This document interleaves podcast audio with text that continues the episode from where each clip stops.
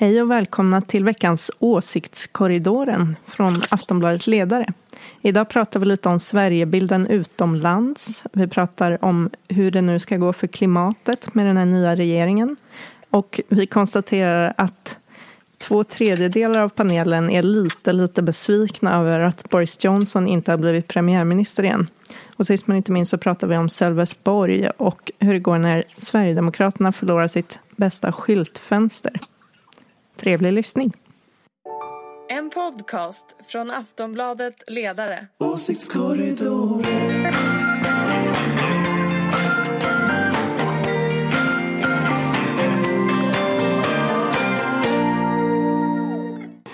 Hej och välkomna till Åsiktskorridoren. Podden om politik från Aftonbladets ledarsida.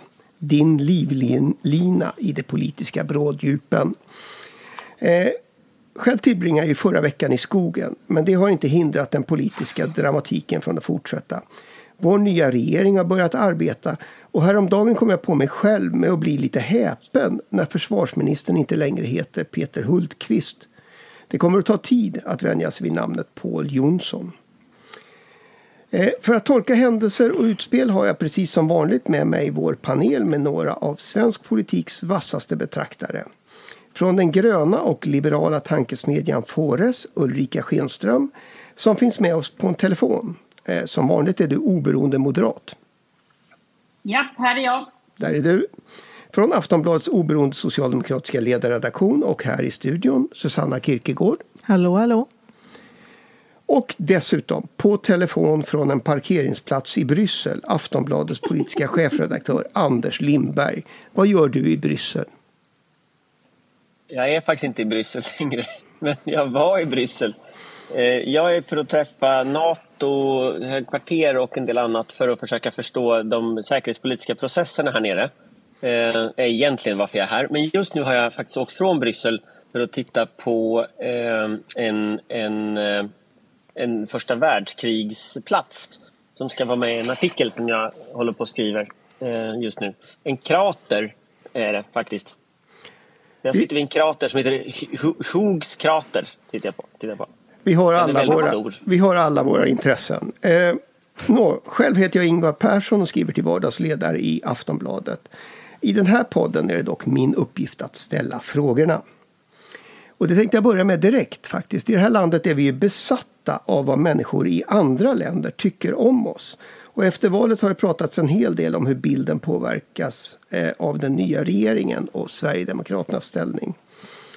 Och eftersom du nu befinner dig, inte i Bryssel men väl i Belgien, Anders, så tänkte jag vi börjar hos dig. Eh, vad är intrycken du har fått när du har varit där nu? Nu har jag pratat med experter och, och, och en liksom, politiskt aktiva på vänsterkanten och sådär. Så, så det är väl ingen liksom, representativ bild. Men det är en enormt stor skillnad ska jag säga från eh, för innan valet och det är en enormt stor skillnad om man går tillbaka några år. För förr så var vi aldrig ett samtalsämne på det sättet. Eh, nu är vi ett samtalsämne och vi nämns i samma mening som Italien, italienska valet, utvecklingen i Polen, utvecklingen i Ungern. Man tar också upp en oro i Spanien som man säger att det är liksom nästa land som blir det femte landet då som vänder i en auktoritär riktning. Och det man tar upp just för svensk del det är ju då eh, rättspolitik och, och, migrationspolitik och sånt. Det har liksom sipprat ut eh, i, i, andra länder. Eh, så, så det, det, är faktiskt en ganska ändrad bild. Vi, vi, vi är ett samtalsämne. Ja, Susanna. Eh, det finns ju en, en annan variant av det här också. Eh, den liberal... EU har ju instrument för att hantera det. Vi, vi, tappar dig lite grann Anders, bara så att du vet eh, om, om det är så. Men eh, jag tänkte fråga Susanna, det finns ju en, liberal, en, en fråga om den liberala partigruppen i, i EU-parlamentet också. Ja, det finns det verkligen. Det, de har ju skickat hit en delegation nu, en arbetsgrupp till Stockholm som ska observera Eh, Liberalerna här för att avgöra om de ska få fortsatt vara med i, i partigruppen i Europaparlamentet.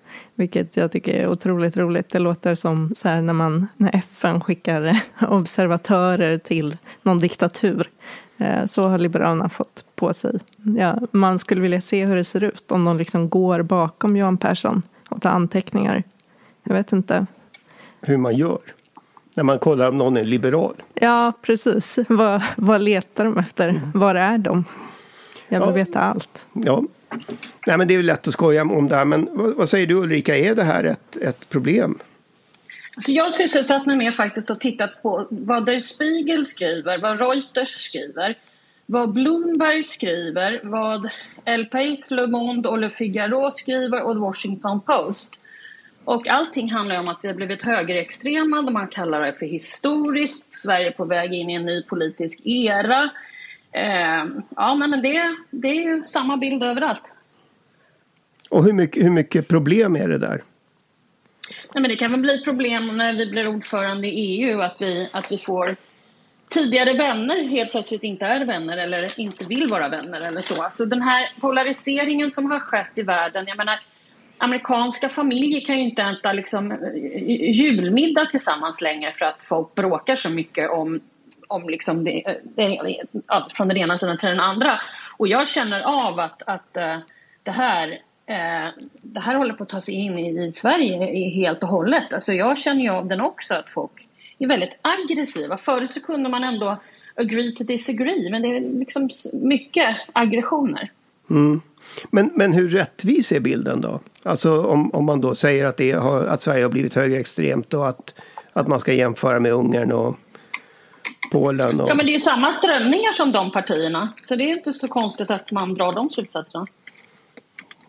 Det är inte en orättvis bild utan Nej, men det är väl klart. Alltså, vi får väl se vad det är som kommer att genomföras här eller inte. Men, eh, men det som avtalet var, det finns ju många rättsvidriga saker där som lagrådet kommer att tycka går emot många konventioner och så vidare. Så att, eh, vi får väl se, men, men eh, det är ju en bra bild. Det Nej. kan man ju inte säga. Anders, har du något att komplettera med? Nej, men jag tänker att en sak som de påpekar här nere, det är ju att EU numera har ett antal instrument för att hantera till exempel skulle ge sig på public service. Så är EU begrepp att ta en, anta en lag om mediefrihet. Det kommer att göra att man kommer att ha synpunkter på det. Att EU är inte tandlösa eh, på det sättet heller. Man kan tänka sig liksom indraget EU-stöd ungefär som Ungern då? Nej, men, men just public service nämns som en av de sakerna som man ska ha uppsikt över. Både finansieringen av public service och public service frihet. Men det finns ganska mycket sådana regler idag på EU. Och jag skulle ju tro att vi kommer att bli en fråga i Europaparlamentet till exempel om, om den här migrationslagstiftningen genomförs som regeringen har lovat. Eller det här med visitationszoner och anonyma vittnen och sådana saker mycket av det ser ut att strida mot Europakonventionen om mänskliga rättigheter till exempel. Och det är klart att det kommer ju bli en debatt.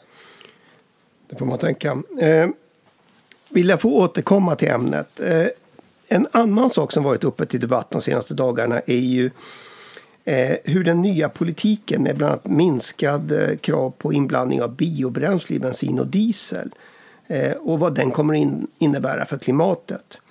Missade mål, sa Klimatpolitiska rådets ordförande Cecilia Hermansson i helgen. Ambitionen ligger fast, säger den nya miljöministern eh, Romana Romina, Romina eh, Pur, Pourmokhtari. Pourmokhtari. Tack det är dags att lära sig. Det är dags att lära sig. Skärpning. Ja. Vem har rätt Ulrika? Jag vet inte om någon har rätt eller fel här. Alltså EU ska ju lägga in transportsektorn, säger de, i klimat, eller liksom bland klimatfrågorna. Och då, då kommer man väl med något förslag där. Så jag vet inte, jag vet att jag sysselsätter mig med att läsa lite vad Lom Hassler har sagt. Han tycker att vi borde avskaffa reduktionsplikten med tanke på EU-lagstiftningen om utsläppningssystem. Så han tycker man ska vänta med, med detta. Så jag, jag, är inte expert på det här, men, men eh, de experterna tycker lite olika. Vi får väl se. Vi kan väl invänta EU först. Ja, det är så vi gör nu. ja, tydligen.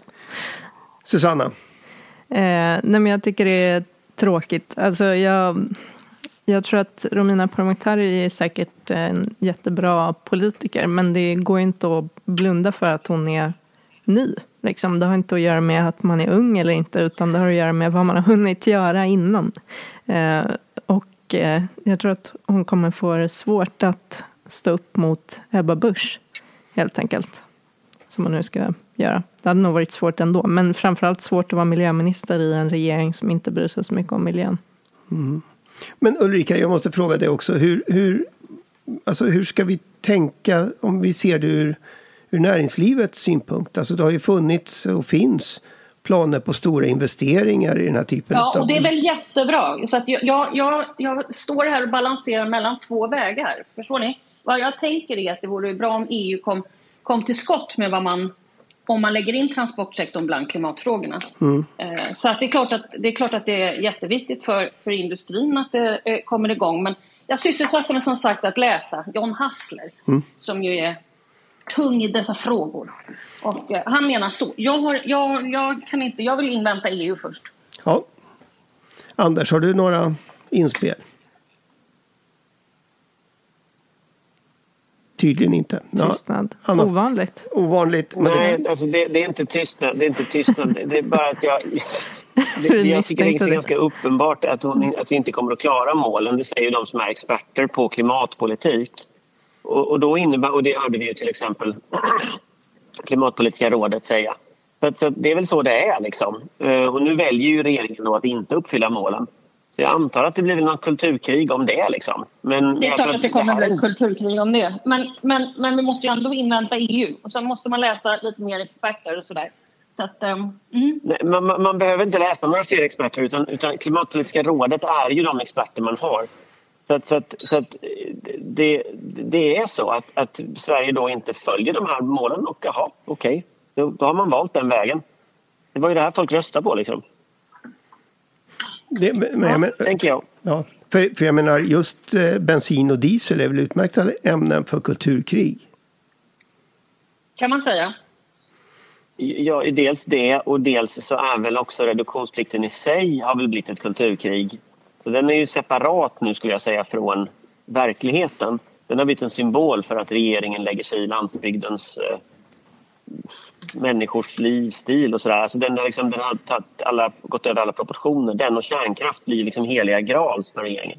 Ja, det, det jag håller med om. att Det kan inte bara vara kärnkraft. Alltså, jag tycker att det är lite konstigt det här att helt plötsligt så är man inte renlärig åt höger om man inte också är emot vindkraft. Vilket ju också är dåligt för näringslivet för det förstör ju också massa investeringar runt om i hela Sverige. Ja, är inte det konstigt Ulrika? Jag har, jag har ju vid några tillfällen skrivit om att något som, som jag häpnar lite över är att de senaste åren har, har rätt mycket av min mejlskörd bestått av eh, uppenbart borgerliga personer som, som är arga på industrin i största allmänhet. Ja, det är mycket märkligt. Ja, visst är det. Och, ja, det är väldigt märkligt. Och det var också bedrivs väldigt mycket sån här eh, Twitter-logik i form av eh, nu, nu blåser det inte jag tror vi behöver många olika eh, liksom energisorter. Så att, eh, ja. ja. Jag tycker att det är väldigt märkligt att bara vara för kärnkraft och vara emot allting annat. Det är mycket märkligt. Ja. Vi lär få komma tillbaka till energipolitiken också för vi har ett ämne som vi överhuvudtaget inte kan ta oss igenom den här eh, podden utan att prata om. Nämligen Storbritannien och den politiska ordningen där. Eh, idag har ju Rishi Sunak ska bli rätt där. Eh, för en gångs skull. Eh, fått kungens uppdrag att bilda regering. Eh, och bara att säga kungen låter ju konstigt men det är så det är numera i Storbritannien. Eh, det blir den tredje premiärministern på några månader och det väcker ju en del frågor. Först måste jag fråga panelen. Är ni besvikna över att den förra eh, ledaren Boris Johnson gav upp kampen? Susanna? Ja, kanske lite. Man hann liksom börja sakna honom lite. Jag tror att eh, eh, jag är mer rädd för Rishi Sunak än för Boris Johnson, måste jag säga. I det här läget i alla fall. Ulrika, saknar du Boris Johnson? Ja, men det gör jag väl alltid. Alltså det, jag, jag är ju liksom lite smått besatt av Bojo. Jag vet inte, jag tycker att han är... Det är något... Det, det är något det är något med honom som gör att jag liksom, ja, jag måste följa och sådär. Inte för att jag håller med honom kanske, men utan inte för att han är någon slags idol, utan jag är bara lite besatt av honom. Han är inte, det- idol, han är inte det idol på samma sätt som Göran Persson. Nej, nej, nej, nej, långt ifrån. Jag förstår. Det är det. Nej, men alltså det är klart att det hade... Alltså att följa honom och läsa vad han har skrivit där han liksom hela tiden man förstår att han vill vara Winston Churchill och att han själv är besatt av Winston Churchill gör att jag tycker att det är väldigt spännande att följa hans sätt att eh, trixa sig igenom landskapet och hur han myglar och håller på. Så att jag blir inte förvånad om han kommer tillbaka i form av någonting annat här snart som han har fått från Sunny Boy. Ja, men, men De känns kan ju ha det, gjort upp något, det kanske var därför han la ner. det kan varit. Eh, alltså, det, känns det inte lite mer som Richard Nixon än, än Winston Churchill? Jo, fast han har ju skrivit mycket om Winston Churchill. Det är Ja. därför man liksom, Ja. Mm. läser man det där så förstår man ju att han är besatt av honom. Anders? Nej, jag saknar inte Boris Johnson. Jag tror tyvärr dock han kommer att komma tillbaka för jag tror att Rishi Sunak också är en, en tillfällig karaktär. Så att jag tror tyvärr att sista ordet inte är sagt i det där partiet. Detta är fantastiskt, Anders. Då, ja, då tror vi nästan samma sak. Ja. För du tänker också så Ulrika, att det här kan, det här, Ja, ja. liksom kaoset kommer Han fortsätta? inte... Nej, men han är den evige eh, brittiska comeback-kidden ever. Och det är därför jag tycker att det är intressant att följa honom, hur han spelar spelet här. Va? Så att eh, jag... Nej, det är mycket spännande att följa honom. Men, men hur har det kunnat bli på det här viset Ulrika? Ett, ett liksom konservat, konservativt parti i liksom fullständig kalabalik? Men har inte det också med polariseringen att göra? Och att det här partiet väldigt troligen inte mår särskilt bra. Och så är det polarisering internt i partiet. Det är ju... Ja, då är vi tillbaka i den här gamla hedliga demokratifrågan. Hur mår de här partierna i Europa egentligen? Och men de blir har, folk politiker för att de vill förändra och förbättra för andra människor eller blir de politiker för att eh, få en position, en taburett? Mm. Nu är tillbaka i den gamla diskussionen. ja, nej, men jag tänker, just Tories, har inte Tories varit så här sedan liksom Pitt den yngre? Alltså, de är väl, det här är väl liksom världens mest brutala parti liksom. Ja, alltså, alltså det är bara att gå tillbaka till den eh, brittiska versionen av House of Cards från 90-talet som beskriver ju egentligen eh, Thatcher-eran. Alltså, vi kan mygla här i Sverige och vi kan hålla på och jädras men det är ju ett snäpp, några snäpp till där i, i Du tänker att House of. Cards, det är en, det är, det är en dokumentär tänker du? Nej, men den är ju skriven av stabschefen till eh, Margaret Thatcher. Och jag som har varit inblandad i svensk inrikespolitik de senaste 30 åren kan ju säga att det finns ju en del likheter lite här och där. Även ja, om vi inte är riktigt så brutala. du tänker det här är liksom, eh, det är ändå lite utav knatteserien i jämförelse. Ja, vi är definitivt i knatteserien. Nu vill Susanna säga något. räcker upp handen. Eh, Jag eh, skulle bara säga att det är inte så konstigt att att eh, de har haft tre premiärministrar på hur kort tid som helst och att Tories är kanske ovanligt splittrade eftersom att de sen Brexitomröstningen har behövt försöka lösa ett problem som är helt olösligt. Alltså hur man får Brexit att bli bra eh, för befolkningen. Det går ju helt enkelt inte. Och det är därför varenda premiärminister sedan dess har behövt avgå, avgå av olika anledningar. Och det kommer ju fortsätta vara olösligt. Alltså hela problemen med ekonomin och, som har uppstått efter Brexit. Nu finns det ju en massa andra problem också. Men och Nordirlands eh, protokollet och allt sånt där. Det går ju inte att lösa. Då är Men det de inte så kommer- de konstigt kommer om man inte bråkar. De kommer inte riktigt undan det. Nej. Så de, De kommer nog EU fortsätta igen. bråka. Ja. Ja, Men välkomna tillbaka. det är de. Ja, men det verkar ju inte vara befolkningens uppfattning. Jo, jag tror att det- en majoritet eh, är, alltså, de är positivt inställda till EU. Eller de säger att de inte skulle ha röstat för Brexit idag. Sen är det ju en annan sak att gå med i EU igen, är ju en helt annan sak. Men, men ändå. Är är det så? Alltså förlåt, nu är jag upplysningsintresserad alltså. Alltså det finns den typen av mätningar? Ja, Så det, så, Mm. Men det betyder ju inte som sagt riktigt samma sak som, det, alltså det verkar ju vara, för eh, inte heller Labour utlovar väl något återinträde. Nej, de vill närma sig EU tror jag. är liksom linjen. Så, det här, så i din analys så handlar det här rätt mycket om, om helt enkelt orimliga eh, utfästelser i en, en eh, folkomröstningskampanj. Jag tror det. De lovade väldigt mycket och sen går inget av det att genomföra på något bra sätt. Då tror jag det blir bråk. Det för oss egentligen in på nästa fråga. Eh, Anders, finns det någonting svenska partier ska lära sig av problemen som eh, de konservativa i Storbritannien har? Alltså inte ha eh, majoritetsval är väl en sak, tänker jag. Men du brukar ju sitta på morgonmöten och säga en sak som de borde lära sig, så då kan ju du säga den nu. Nej, jag, jag, det jag brukar säga på morgonmötena är väl att det är livsfarligt att låta partimedlemmarna rösta om vem som ska bli partiledare. Ja, men det är väl en ganska bra spaning. Så är våra morgonmöten. Ja. ja. Nej, men jag tänker... Jag tänker jag, ja. Ingvar säger det varje morgon. Ja, inte, rikt, inte riktigt. Men då och då. Nej. Eh, nej, alltså min tanke är helt enkelt att partimedlemmar är ganska dåligt representativa för befolkningen i allmänhet. Så det är inte så jättekonstigt om man får rätt så excentriska karaktärer. Vilket väl... Alltså, Jeremy Corbyn... Jeremy Corbyn var ju också vald av medlemmarna i Labour och det gick ju också åt helvete. Mm. Så, slut, så det, det, kan ju också vara landet det är fel på. Det kan det vara. Mm. Um, men var är Labour undrar man ju i och för sig, på tal om dem. De har man ju inte sett de, på hur länge De ligger som helst. 30 procent före eller något. Ja, men de är ju helt tysta. Men den här, uppvi den här uppvisningen... Ja, det funkar uppenbarligen för de andra sköter sig så dåligt. Det funkar bra när man är tyst ibland. ja. ja, men det är ändå intressant. Jag bara inser det nu. Jag har typ inte hört något från Keir Starmer sedan han tillträdde och satt med en öl och hade presskonferens ungefär. Från en pub. Fast de hade, de hade en väldigt eh, härlig stämning i underhuset här i sista ut, alltså, frågestunden med Liz Truss. Mm. Ja. Eh, det, det, får man ju ge dem. När, när de liksom lät som en gospelkör nästan. Ja, jo, i och för sig. Men där måste de ju dyka upp. Ja. ja eh, det om detta vill jag få komma tillbaka till, eh, till brittisk eh, politik också. Eh, kan man väl säga.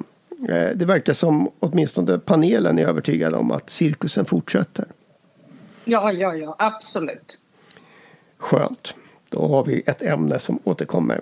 Eh, till slut tänkte jag bara att vi väldigt snabbt, eller jag vet vi får se hur snabbt det blir, att vi skulle återvända till Sverige och Sölvesborg där Moderaterna tillsammans med Centern och ett lokalt parti tänker samarbeta med Socialdemokraterna. Det fick vi reda på i fredags. Det betyder ju också att Sverigedemokraterna förlorar makten i sitt eh, stora skyltfönster. Eller sitt lilla skyltfönster kanske. Eh, beskedet utlöste hur som helst en lavin av hat och hot mot eh, Moderaternas ledare Kit Mårtensson. Borde vi vara förvånade Ulrika? Förvånade över att det blev den uppgörelsen eller förvånade över att det blev en hatkampanj mot Förvånade över att det blev en hatkampanj tänker jag. Nej, inte ett dugg. Eftersom... Så här är det ju på Twitter. Nej, men så här är det ju överallt om man inte håller med om att Sverigedemokraterna ska ha inflytande över politiken. Ja. Så, så Kit Mårtensson borde inte alls ha varit överraskad över detta? Jag tror att hon eh, nog trodde att det skulle bli jobbigt men kanske inte vidden av det. Jag läste någon artikel att hon har inte ens vågat gå ut. Liksom. Nej, det, var ju, det är vad hon säger. Det är ju faktiskt det är riktigt förskräckligt alltså att bete sig så. Så att man inte ens politiker kan röra sig fritt. Mm. Förfärligt. Anders, hur, hur, vad tänker du om det här? Jag tänker att det här är avsiktligt av Sverigedemokraterna. De har byggt upp den här hat och hotmaskinen. Eh, och de använder den i valet och de använder den på Annie Lööf till exempel i valet. Vilket ju eh, fick stora konsekvenser för henne. Nu använder de den på den här moderaten. De använder den ju på många journalister och politiker i vanliga fall. Alltså jag tycker Moderaterna skulle ställa krav på dem att de får avveckla den här liksom, eh, nätterrorn som de håller på med. Men det verkar ju inte Moderaterna göra, men det vore det rimliga. Eh, att liksom ett svenskt parti som, som gör anspråk på så mycket makt som Sverigedemokraterna gör kan inte bete sig på det sättet. Nu, nu ska man väl säga att Sverigedemokraternas eh, företrädare har ju skyndat sig att säga att nej men så här får man förstås inte bete sig. Men du, Jo, du, men det ger, spelar inte, ingen roll. du ger inte mycket för det. Nej, utan, utan eh, liksom action is louder than words. Liksom. Alltså det, det, det, som, det som kan få en att tro att Sverigedemokraterna lägger ner den här smörjan det är ju att eh, mitt Twitterkonto inte för varje tweet där jag säger idag är det torsdag får liksom hundra hatsvar. Eller vi får mejl som gör att folk inte ens kan ha sin mejl på, på webben. Liksom. Det är ju det som måste... Den här liksom, kulturen som SD har måste ju försvinna. Liksom. Det måste vara möjligt att, för politiker att ha telefonnummer man kan ringa till. Liksom. Och det här är Sverigedemokraternas fel. Och, och det måste kunna vara så att debattklimatet är sådant att man kan agree to disagree och inte hela tiden att det gapas bara för att man tycker någonting utan att man respekterar det. Susanna? Eh, Ja, jag vet inte vad jag ska tillägga. Utöver att eh, man kan ju förstå varför de har byggt det här maskineriet, för det funkar ju. Det funkar ju jättebra. Eh, Deras politiska motståndare vågar ju inte gå ut. Så jag förstår varför de inte vill avveckla det, men däremot så eh, är det lite svårare att förstå varför Moderaterna och andra partier går med på det. Men det är väl samma slags mekanism som varför de inte eh, kunde få mm, Hanif Bali att sluta twittra. Liksom. Att eh, de, den, det är för starkt. Liksom. De har för mycket makt. Eh, både Hanif Bali och Sverigedemokraterna och deras följe. Och det skapar ju också att folk skapar ju rädsla i, i, i att olika argument kanske inte alltid kommer fram. Jag har liksom många gånger funderat på att jag kanske ska skriva den här debattartikeln och så funderar jag så här, nej, det kommer jag ju behöva ha snart liksom polisskydd. Förstår ni? Jag behöver ju ha livvakt om jag skulle skriva vissa saker fastän det bara är en annan aspekt på en fråga. Alltså, det, det måste ju det måste finnas ett demokratiskt samtal som inte leder till att vi alla liksom Ja, men då skiter jag i att skriva den för att om jag skriver den då vet vi hur galet det kommer att bli och sen kommer jag bli missförstådd för det och så. Ja. Så att folk, folk vågar ju inte heller använda sin demokratiska röst i en sån samhälle. Har Men grejen är den att, att det här är ju det här har ju byggts upp under lång tid. Men man kan ju se hur Sverigedemokraternas ledande företrädare spelar på det här. Alltså man kunde se när, när de skulle uttala sig om, om, eh, om den här uppgörelsen mellan Moderaterna och Socialdemokraterna i Sölvesborg så kom de med mängder av insinuationer från SD, från officiellt håll, officiella företrädare. Eh, om att det handlade om att folk ville bara ha arvoden, folk ville inte folks bästa och så vidare. Och, och faktum är ju det att gör man så, då kommer det här att triggas igång. Så, att, så att det, det är helt förutsägbart. Eh, eller i valrörelsen, den här tweeten om att folk skulle åka till Afghanistan. Det är också helt förutsägbart vad som händer med de som säger emot det. Så att vi vet att SD gör detta, vi ser det inför öppen ridå. Liksom. Anders, är det, är det ett problem att eh, Sverigedemokraternas tills nyligen då partisekreterare just nu är ordförande i justitieutskottet? Det är ju ett problem på så många sätt. Det är ju ett problem på så många sätt. Men, men en utredning som ligger på regeringens bord eh, nu handlar ju om hot mot journalister och straffrättsligt skärpa kraven på det. Den kommer ju hamna i justitieutskottet. Det blir ju skojigt att se vad han gör med den. Eh, sen är det ju så att utskottens... Eh, det är ju majoriteten i utskotten som bestämmer, inte ordföranden. Så att, så att jag skulle väl tro att det där fortfarande går igenom. Men, men eh, det är klart att, att man kan bromsa och man kan ställa till med en massa oreda. Men, men det stora problemet här den ligger ju i att SD respekterar inte den demokratiska processen. När nu Moderaterna har gjort ett annat beslut i Sölvesborg accepterar inte de det. Eh, De anser sig ha rätt att överpröva den demokratiska processen. Och så gör inte demokratiska partier. Och det tycker jag Nej. ger väldig oro, faktiskt. Vi får, vi får kanske lämna den här veckan med, med den oron. Eh, det där är nämligen allt vi hinner med idag. Eh, om en vecka är vi tillbaka och vi kan ju vara helt övertygade om att vi inte kommer att sakna ämnen för panelen då också. Eh, om inte annat så lär britterna fortsätta eh, sin verksamhet. Eh, men det gör ju också svensk politik. Så missa inte nästa avsnitt av Åsiktskorridoren. Nu återstår bara för mig att tacka. Tack Ulrika. Tack Susanna och tack Anders. Eh, och som vanligt ett stort tack till dig som har lyssnat. Det är för dig vi gör den här podden. Hej då! Hej hej! Hej då! Hej! Du har lyssnat på en podcast från Aftonbladet. Ansvarig utgivare är Lena K Samuelsson.